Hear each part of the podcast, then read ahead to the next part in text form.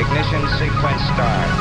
Five, four, three, two, one, zero. Quantum leap. Salto quântico. Salto quântico. Salto quântico. Salto quântico. Quantum leap. Salto quantico. Salto quantico. Kvantum, det du inte visste att du ville veta. Hej på er kära vänner, Markus Rosenlund är det som talar här.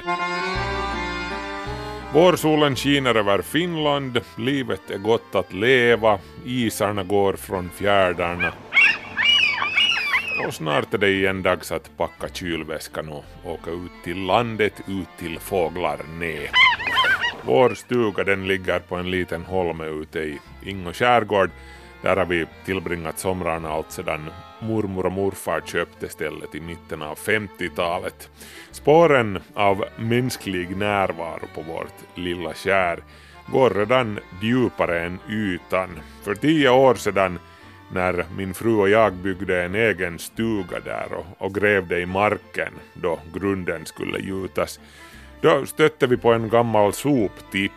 Det var sannolikt morfar som hade grävt en grop där eh, någon gång på 60-talet och kastat sopor dit och sen när gropen var full så täcktes den över.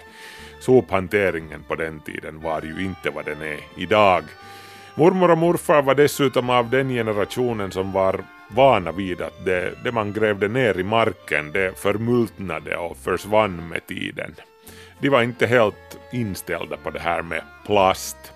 Så de kanske inte hade räknat med att min hustru och jag hittar deras gamla filburkar av plast, vissa av dem helt intakta 50 år senare. Färgerna hade bleknat en aning på burkarna men man kunde fortfarande läsa texten. Jag kunde genast se morfar framför mig där vid köksbordet i den gamla stugan ätande sin fil som han gjorde varje morgon. Nu är den ett fantastiskt förpackningsmaterial, den kära plasten. Synd bara att vi så ofta ska slänga den i soporna efter en enda användning.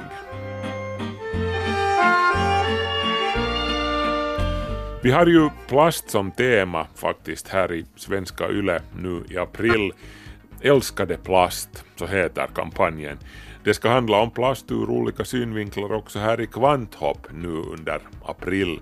Idag till exempel ska vi inleda med att gå igenom plastens historia, hur den kom till och vad plast egentligen är. Annat som händer i Kvanthopp idag då vi ska ta reda på vilken betydelse planteringen av skog egentligen har för klimatet. Det ska bland annat handla om skillnaden mellan planterad skog för träindustrins behov och naturskog. Enligt forskargruppens beräkningar är naturskogar i längden, till exempel fram till år 2100, mycket bättre på att binda koldioxid än vad mer kommersiella plantager är.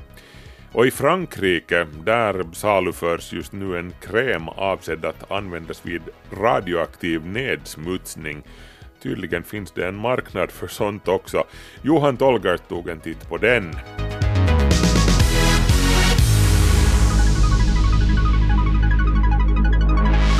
Men om en stund ska det bli notiser här i Kvanthopp.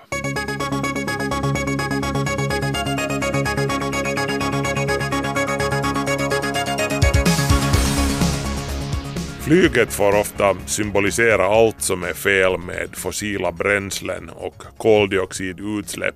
Flygskam har ju blivit ett begrepp numera.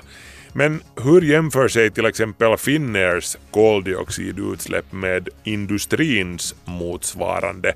EU publicerade statistik på det här tidigare i veckan och det visar sig att till exempel Finnairs flygplan gav upphov till sammanlagda utsläpp på 3,2 miljoner ton koldioxid i fjol. Det här är mindre än till exempel SSABs stålfabrik i Brahestad som släppte ut 4 miljoner ton koldioxid. En fabrik mera än alla Finnairs plan sammanlagt. Oljeraffinaderiet i Borgo släppte ut 2,7 miljoner ton koldioxid, bara lite mindre än Finnair. Inte ens jämfört med andra flygbolag var Finnair bland de värsta skurkarna. Värst inom EU var Ryanair med nästan 10 miljoner ton koldioxid. Också Norwegian smutsade ned mera än Finnair med 3,7 miljoner ton. Amerikanska Tesla har ju länge dominerat marknaden för premiumklassens elbilar totalt.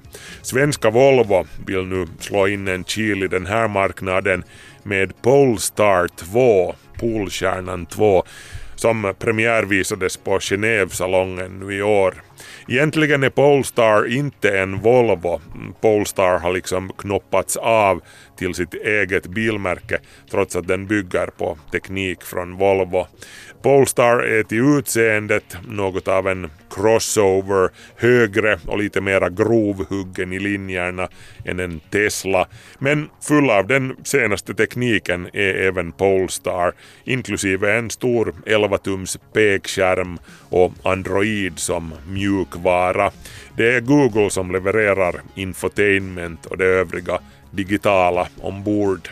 Polestar 2 ska klara av 450 kilometer på en laddning trots att elmotorerna är på inalles 408 hästkrafter och de slungar iväg bilen på 5 sekunder 0 till 100. Och priset då? Snäppet under 60 000 euro fast i Finland kommer bilen inte att säljas, åtminstone tills vidare. De stora marknaderna som USA och Kina går före. Snarkning är inte bara irriterande, snarkning kan med tiden också ge bestående skador i de övre luftvägarna. Det här är enligt en ny studie från Umeå universitet. Forskarna noterade att de snarkare som utvecklar så kallad sömnapné eller andningsuppehåll förlorade nerver och muskelmassa i den mjuka gommen. Dessutom såg man att kroppen hade försökt återskapa skadade muskelfibrer men att de hade läkts på ett onormalt sätt. Sannolikt på grund av att de återkommande vibrationerna från snarkningen gör så att vävnaden inte kommer åt att läka ordentligt. Av den här orsaken är det viktigt att den som lider av svår snarkning söker hjälp så tidigt som möjligt. Slutligen ett telegram från Mars. Två separata studier har nu kunnat bekräfta det som vi såg de första tecknen på redan för 15 år sedan. Det förekommer metan i den röda planetens atmosfär. Det här är baserat på data från rovern Curiosity och rymdsonden Mars Express.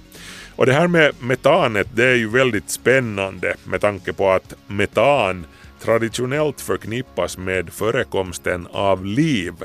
Till exempel underjordiska mikrober i den marsianska permafrosten har föreslagits som en möjlig källa till metanutsläppet.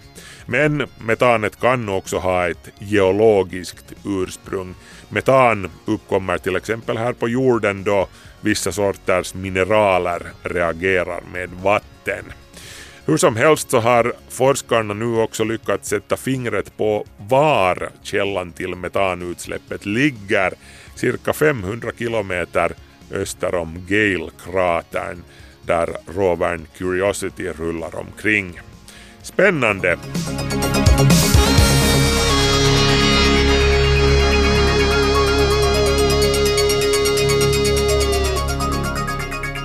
Älskade plast, så heter temamånaden som pågår här i svenska YLE nu i april. Ni kan hitta diverse program och artiklar med plast som tema på samtliga Svenska Yles plattformar. Om en liten stund ska vi fundera mer kring plast här i Kvanthopp. Vad är plast? Är det naturligt? Och vem var det som kom på det? Det här är en Svenska Yle-podd.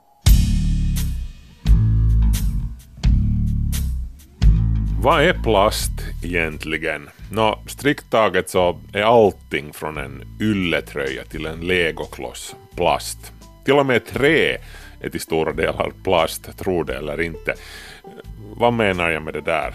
Nå, polymerer. Plast består av polymerer som är simpla organiska molekyler baserade på kol alltså som är sammansatta till långa kedjor. Lite som en cykelkedja eller en massa gem som någon har gjort ett halsband av.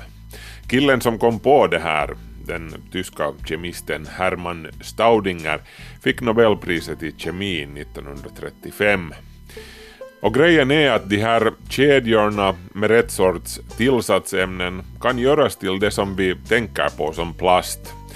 Men plast kan lika bra vara naturliga polymerer som keratin till exempel, en polymer baserad på kol och kväve, det här som ditt hår och kossans horn är gjort av, din hud också för den delen.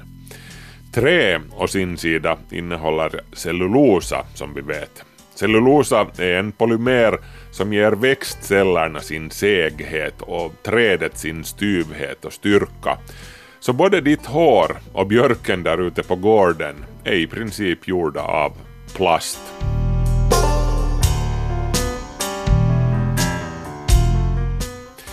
Gummi, naturgummi alltså, är också en naturlig polymer. Och kanske av de naturliga polymererna det som kommer närmast det som vi tänker på som plast. Olmekerna i Centralamerika spelade med gummibollar 1500 år före Kristus. Det var inte förrän mycket senare på 1840-talet som amerikanen Charles Goodyear och britten Thomas Hancock kom på att man kunde göra gummit mycket mer hållbart genom att vulkanisera det med hjälp av svavel. Ja, ja, men naturgummi och trä och allt det där, det är ju växter. Plast är ju helt syntetiskt, säger ni nu kanske. Ja, ja, men plast, och då menar jag sånt som PVC eller polyeten eller polystyren eller ABS, det görs ju av råolja. Omkring 4 procent av världsproduktionen av råolja går till plastframställning. Och råolja är ju miljontals år gammalt plankton som i något skede i urtidens dimmor har dött och sjunkit ner till havs eller sjöbottnen och där under årmiljonernas lopp under högt tryck och hetta har det omvandlats till råolja som i sin tur görs till plast. Just det, titta på dina legoklossar, det är gammalt plankton från dinosauriernas tid. Hur som helst så är det helt naturliga råvaror. Apropå dinosauriernas tid, när jag var liten minns jag att min mormor hade en telefon gjord av bakelit. Eluttagen i mummos och muffas hus var också gjorda av bakelit. Det här var en av de tidigare kommersiella plastsorterna, uppfanns 1907 av den belgisk-amerikanske kemisten Leo Bakeland går också under namnet fenolformaldehyd. Bakelit är i princip en billig härdplast där man tar kondenserat fenol och formaldehyd och pressar ihop det med trämjöl under värme. Det blir ganska tungt så det sjunker i vatten till exempel ingenting att hänga i julgranen nu längre kanske, men 1916 gjorde Rolls-Royce en stor affär av att de inredde sina bilar med bakelitplast.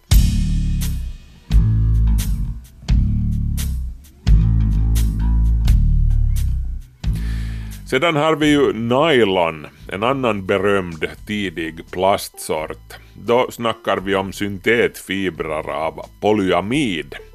Och som med så mycket annat så kom nylon också till för krigets behov. Nylon uppfanns för att ersätta hampa och siden i fallskärmar men man kom ju snart på att det blir utomordentliga strumpbyxor av det också. Vet du förresten vad nylon står för? Nå, enligt en skröna så skulle det komma från namnen på städerna New York och London NY och LON, nylon, men det här stämmer inte. Det är inte heller en förkortning av Now You've Lost Old Nippon.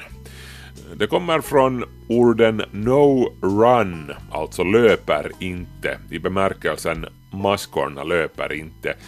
Det blir inte spontant hål i strumpbyxorna.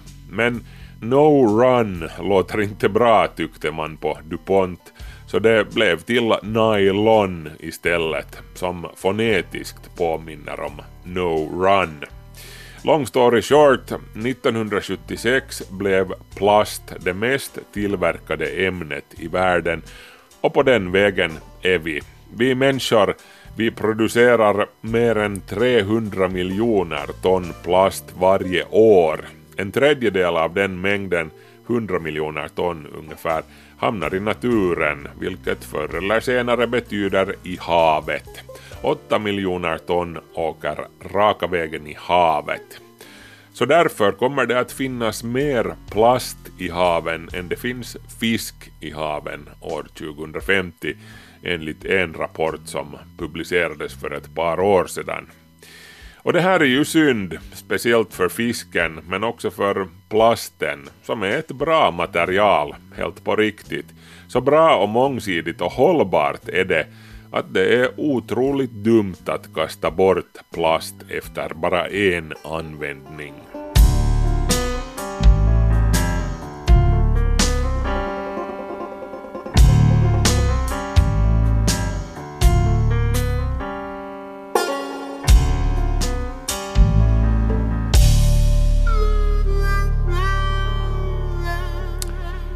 Mycket ny skog i länder nära ekvatorn ska hjälpa till med att motarbeta klimatförändringen.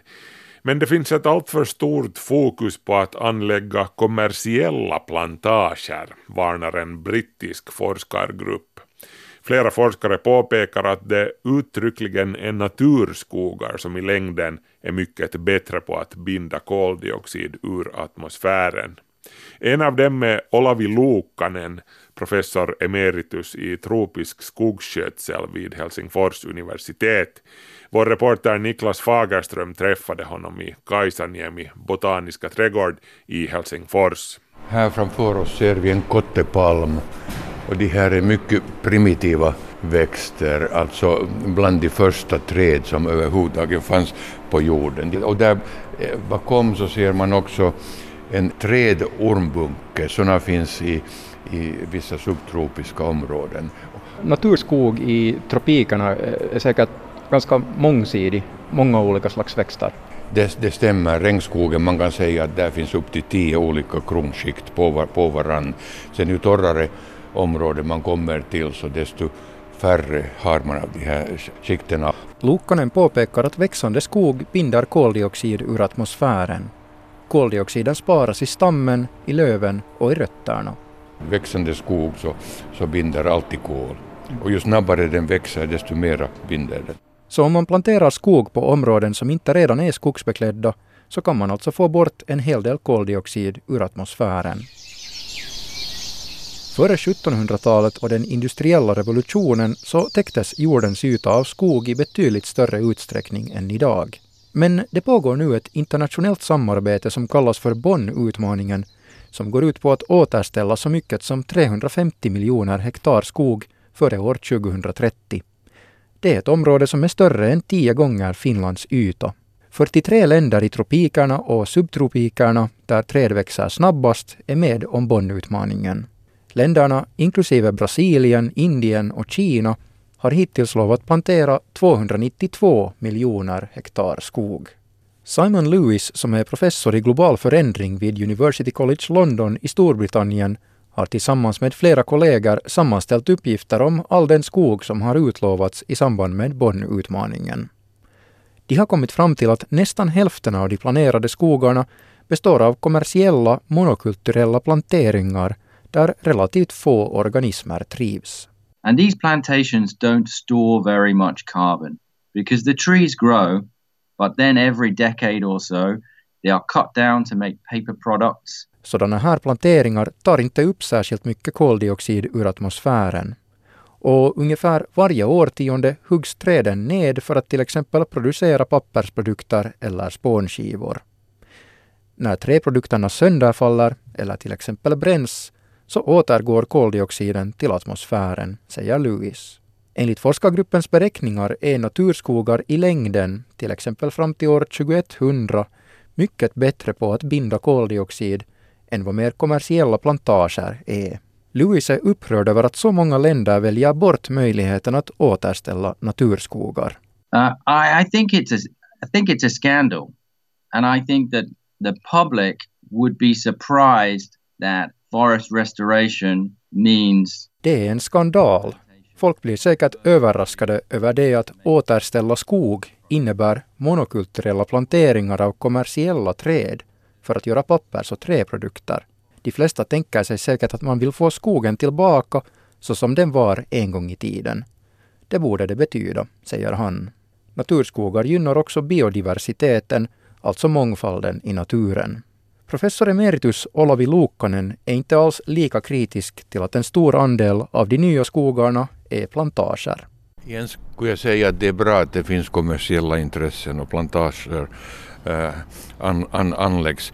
Det som glöms nästan totalt är svårigheten att äh, få till stånd de här naturskogarna i tropikerna. Min grupp har forskat i det här för över 20 år sedan i Indonesien och märkt hur svår process det är. Det finns en viss teknik men det är inte så lätt.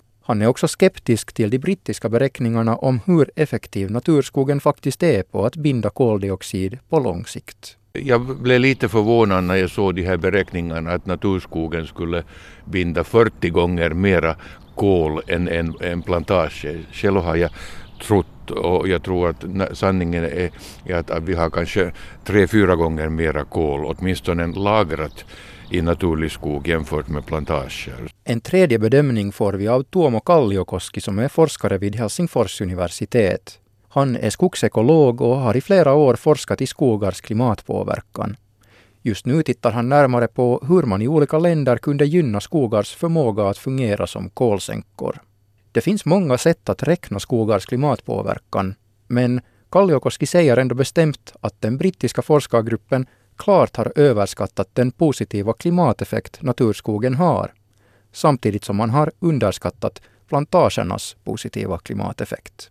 Pitäisin kyllä tuota 40 kertaa suurempaa huomattavana yliarviona ja ehkä sitten se kolme kertaa suurempi on sitten sieltä hyvin konservatiivinen. Jag skulle säga att det är en överskattning att hävda att naturskogar är drygt 40 gånger bättre än plantager och att de skulle vara tre gånger bättre är en ganska så försiktig bedömning, säger han. Han menar alltså att sanningen troligen ligger någonstans mellan Simon Lewis och Olavi Luukkanens uppskattning. Slutsatsen är hur som helst, enligt forskarna, att naturskogar i medeltal är betydligt bättre på att binda koldioxid när man väl har lyckats etablera sådana skogar. Det var Niklas Fagerström som var reporter i det inslaget. Kvanthopp, det du inte visste att du ville veta. Astronomer brukar normalt vara lite sådär lugna och återhållsamma. Så jag blev onekligen lite extra intresserad då det trillade in ett mail i min inbox som var fullt av superlativ och adjektiv som banbrytande och unikt avslöjande. Nästa onsdag kommer det internationella forskarteamet bakom det världsomspännande virtuella radioteleskopet Event Horizon Telescope att publicera resultatet från ett kosmiskt detektivarbete som har pågått i två år nu. Jakten på monstret i hjärtat av vår galax har tydligen varit framgångsrik. För att förklara det här är det kanske på sin plats med en liten resumé. Så här lät det i Kvanthopp för ganska exakt två år sedan.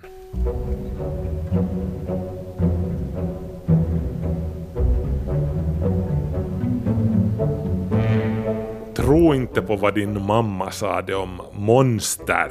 De existerar visst. Ett av de mest skrämmande monstren i hela universum sitter mitt i Vintergatan som bergatrollet i sin sal och slukar alla som kommer för nära hela.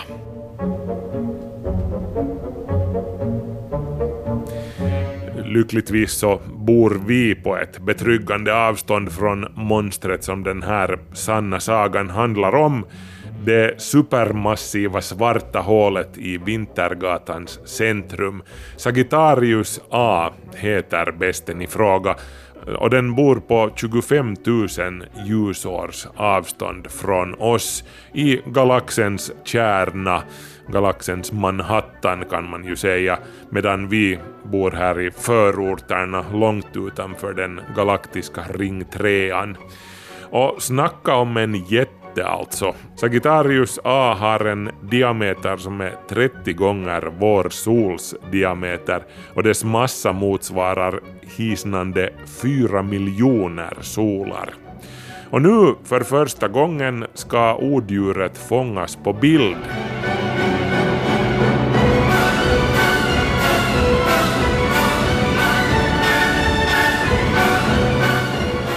Det blir inte ett direkt foto av själva monstret naturligtvis, för svarta hål går inte att se eller fota direkt.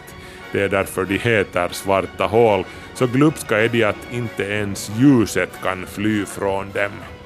Men om vi tittar tillräckligt noga så kan vi ana dess konturer. Vi kan se dess siluett som omges av glöden som uppstår när det supermassiva svarta hålet sväljer interstellär gas och hela solar som en gigantisk kosmisk dammsugare.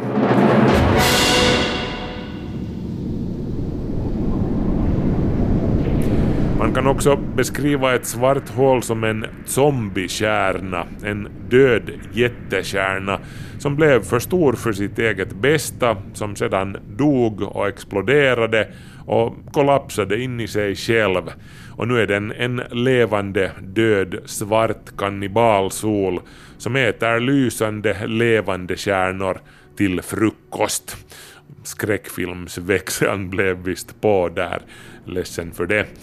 Eh, som om det inte vore tillräckligt med kosmisk horror över det hela så lurar just den här bjässen, Sagittarius A, dessutom bakom mystiska slöjor av kosmiska stoftmoln som skymmer sikten in mot Vintergatans mitt. Så optiska teleskop är till ingen nytta. Vi kan inte möta monstret öga mot öga. Skonsamt nog kanske.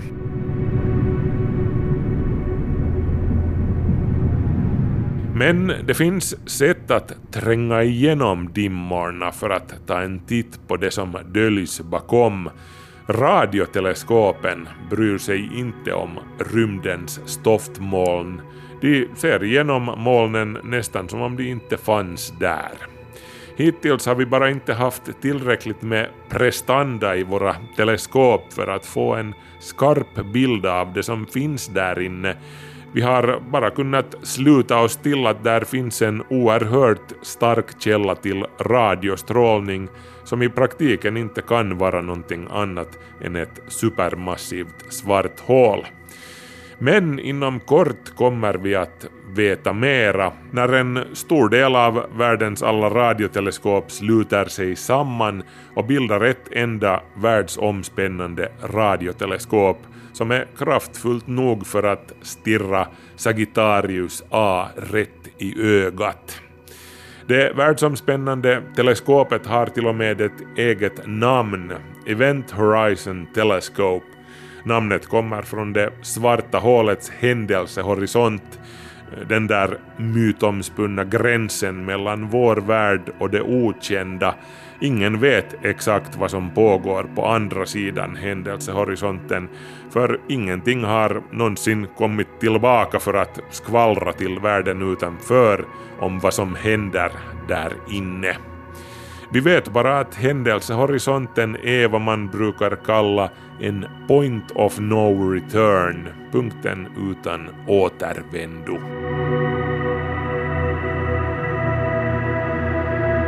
Man kan säga att händelsehorisonten är gränsen där fysikens lagar upphör att gälla.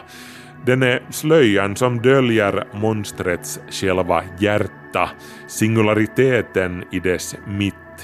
eller närmare bestämt den gravitationella singulariteten som det heter. En singularitet är alltså en extrem slutsats som Einsteins allmänna relativitetsteori leder en till. Den är en plats där själva rumtiden är oändligt krökt, det vill säga tyngdkraften är oändligt stark, bokstavligen. Det här är lite svårt att förstå på något meningsfullt sätt. En singularitet är en endimensionell plats, om ni kan föreställa er en sådan, där avståndet mellan två olika punkter är exakt noll.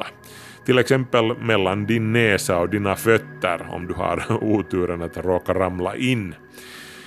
Men för dina kompisar som står utanför och tittar på från ett tryggt avstånd och ser dig ramla in i det svarta hålet så kommer det att se ut som om du aldrig når längre än händelsehorisonten. För dem kommer det att verka som om du stelnade och fastnade där som en staty, för evigt frusen i tiden, bokstavligen tills universum dör av ålderdom. Du kommer själv inte att uppleva det så här för för dig verkar tiden gå helt normalt när du passerar händelsehorisonten men det kan vara lite svårt att titta på klockan för gravitationen kommer att spagettifiera dig. Så heter det på riktigt. Och det innebär precis vad det låter som.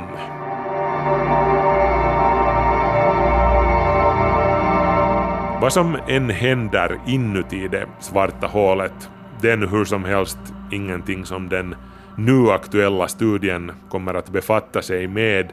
Händelsehorisontteleskopet kommer som sagt inom citat bara att observera det svarta hålets siluett, men för första gången någonsin som sagt.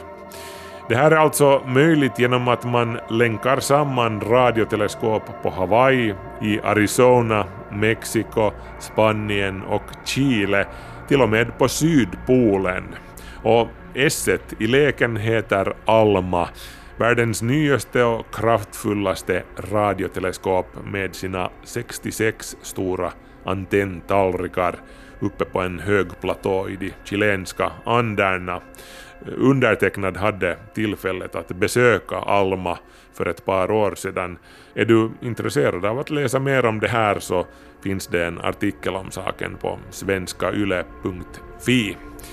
Alma utgör i sig ett så känsligt instrument att det, synkroniserat med de övriga teleskopen från Antarktis till Hawaii, kommer att ge projektet en god chans att lyckas, tror experter som bland annat BBC har talat med. När teleskopen är klara med att samla in sina signaler, vilket enligt tidtabellen ska ske den 14 april, då tar det egentliga arbetet vid, nämligen att pussla ihop all data till en sammanhängande bild. Och det kommer att ta sin tid. Det här är inte som att knäppa en bild med telefonen och instagramma den på några sekunder.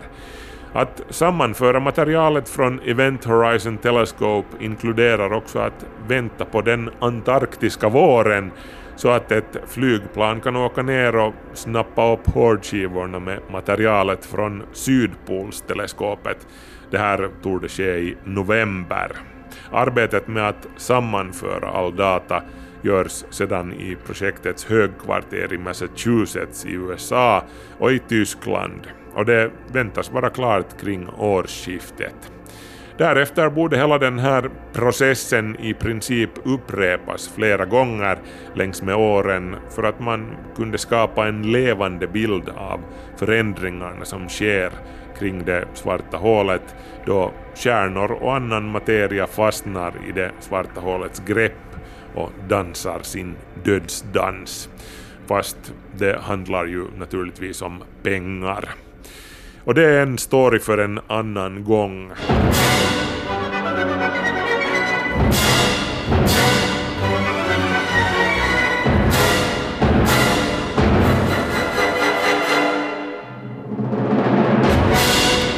Det här inslaget var alltså från april 2017 då Event Horizon Telescope inledde sin spaning mot galaxens hjärta. Och nästa veckas onsdag får vi alltså höra vad forskarna såg där borta. Mer om det i Kvanthopp om en vecka. Det är lyckligtvis väldigt sällan som man behöver en kräm som tar bort radioaktiv smuts från huden. Men skulle man råka få strålning på sig så finns det en kräm just för det ändamålet nu. Eh, Krämen heter Calixaren Sevidra och har fått ett internationellt pris. Chefen för tillverkningen, Stefan Desang, säger till vår reporter Johan Tolgert att även om det inte är en mirakelprodukt så kan den hjälpa. Non, ça n'est pas un produit miracle. La formulation que nous avons aujourd'hui est une formulation curative. Krämen har en läkande effekt efter skador framkallade av radioaktiv strålning, säger Stéphane Destin. Han har fått i uppdrag av två stora franska forskningsinstitut att saluföra krämen Calixaren Sevidra. Krämen kan inte användas i förebyggande syfte utan det är först när huden utsatts för strålning som den kan hjälpa. Då ska kroppen snabbt smörjas in med krämen. Euh, Notre produit traite les contaminations non labiles, c'est-à-dire celles qui vont être fixées dans la peau, dans les poils, dans les bulbes, au niveau du système pileux. Krämen kan ta bort radioaktiva mikropartiklar som lagt sig på huden, i håret eller i hårsäckarna i huden, förklarar Stefan. Målet är att förhindra att kroppen absorberar mikropartiklarna via hornlagret som täcker överhuden. Med andra ord skulle man kunna säga att detta är en slags duschkräm på tub som tar bort de farliga partiklarna. Krämen är mest effektiv om den används inom 15 minuter efter den radioaktiva strålningen, förklarar Stefan. Non, il faut dans les 15 minutes qui suivent la contamination. Efter ett par minuter ska krämen tvättas bort med vatten. Då avlägsnas också de radioaktiva mikropartiklarna. Krämen kan dock inte hjälpa för den som inandats eller förtärt produkter med höga halter av radioaktiva partiklar. Elle n'est pas faite pour, être, pour traiter les personnes qui ont avalé ou les personnes qui ont euh, inhalé.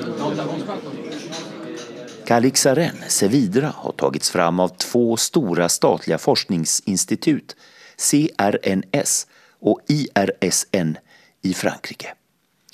Förkortningarna står för det nationella centrat för vetenskaplig forskning respektive Institutet för strålskydd och kärnkraftssäkerhet.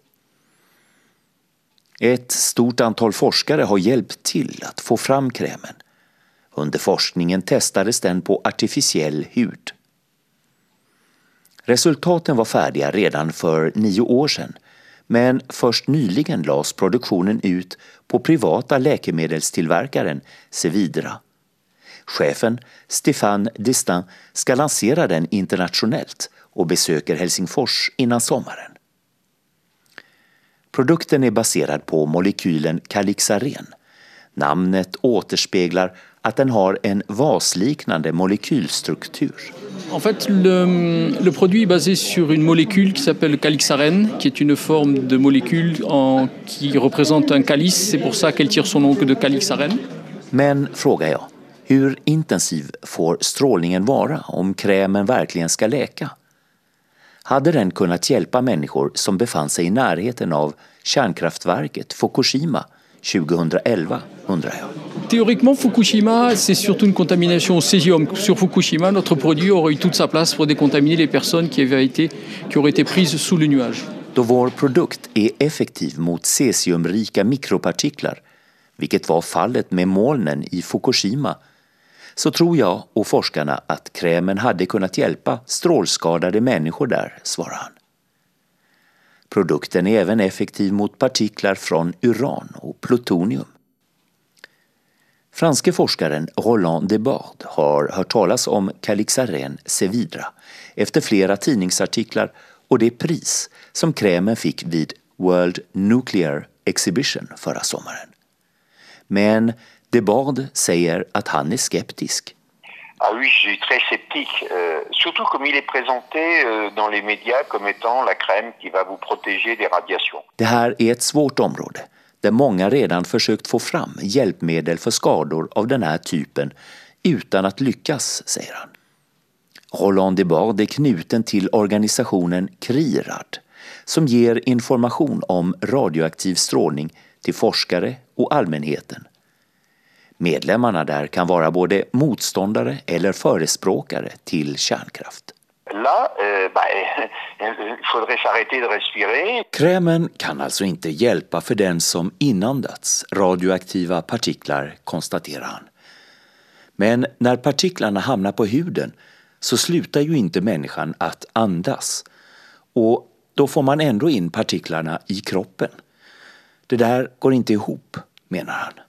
Ça, euh, c'est un peu plus compliqué quand on vit dans un environnement contaminé. Ja, för att veta om krämen är effektiv måste den också testas på människor under lång tid, påpekar Roland Debord. Ingenjörer inom kärnkraftsindustrin som utsatts för små mängder radioaktiv strålning har dock testat krämen under viss tid, säger Stéphane Destin som ansvarar för tillverkningen av produkten. Även om det ännu inte finns publicerade forskningsartiklar om hur ingenjörerna mår säger Stéphane att deras hälsa är god. C'est un risque qui est traité aujourd'hui d'une façon efficace. Tack till Johan Tolgert för det inslaget. Kvanthopp är nu slut för den här gången. Markus Rosenlund heter jag som tackar för sällskapet. Ha en bra fortsättning på dagen. Vi hörs. Hej så länge.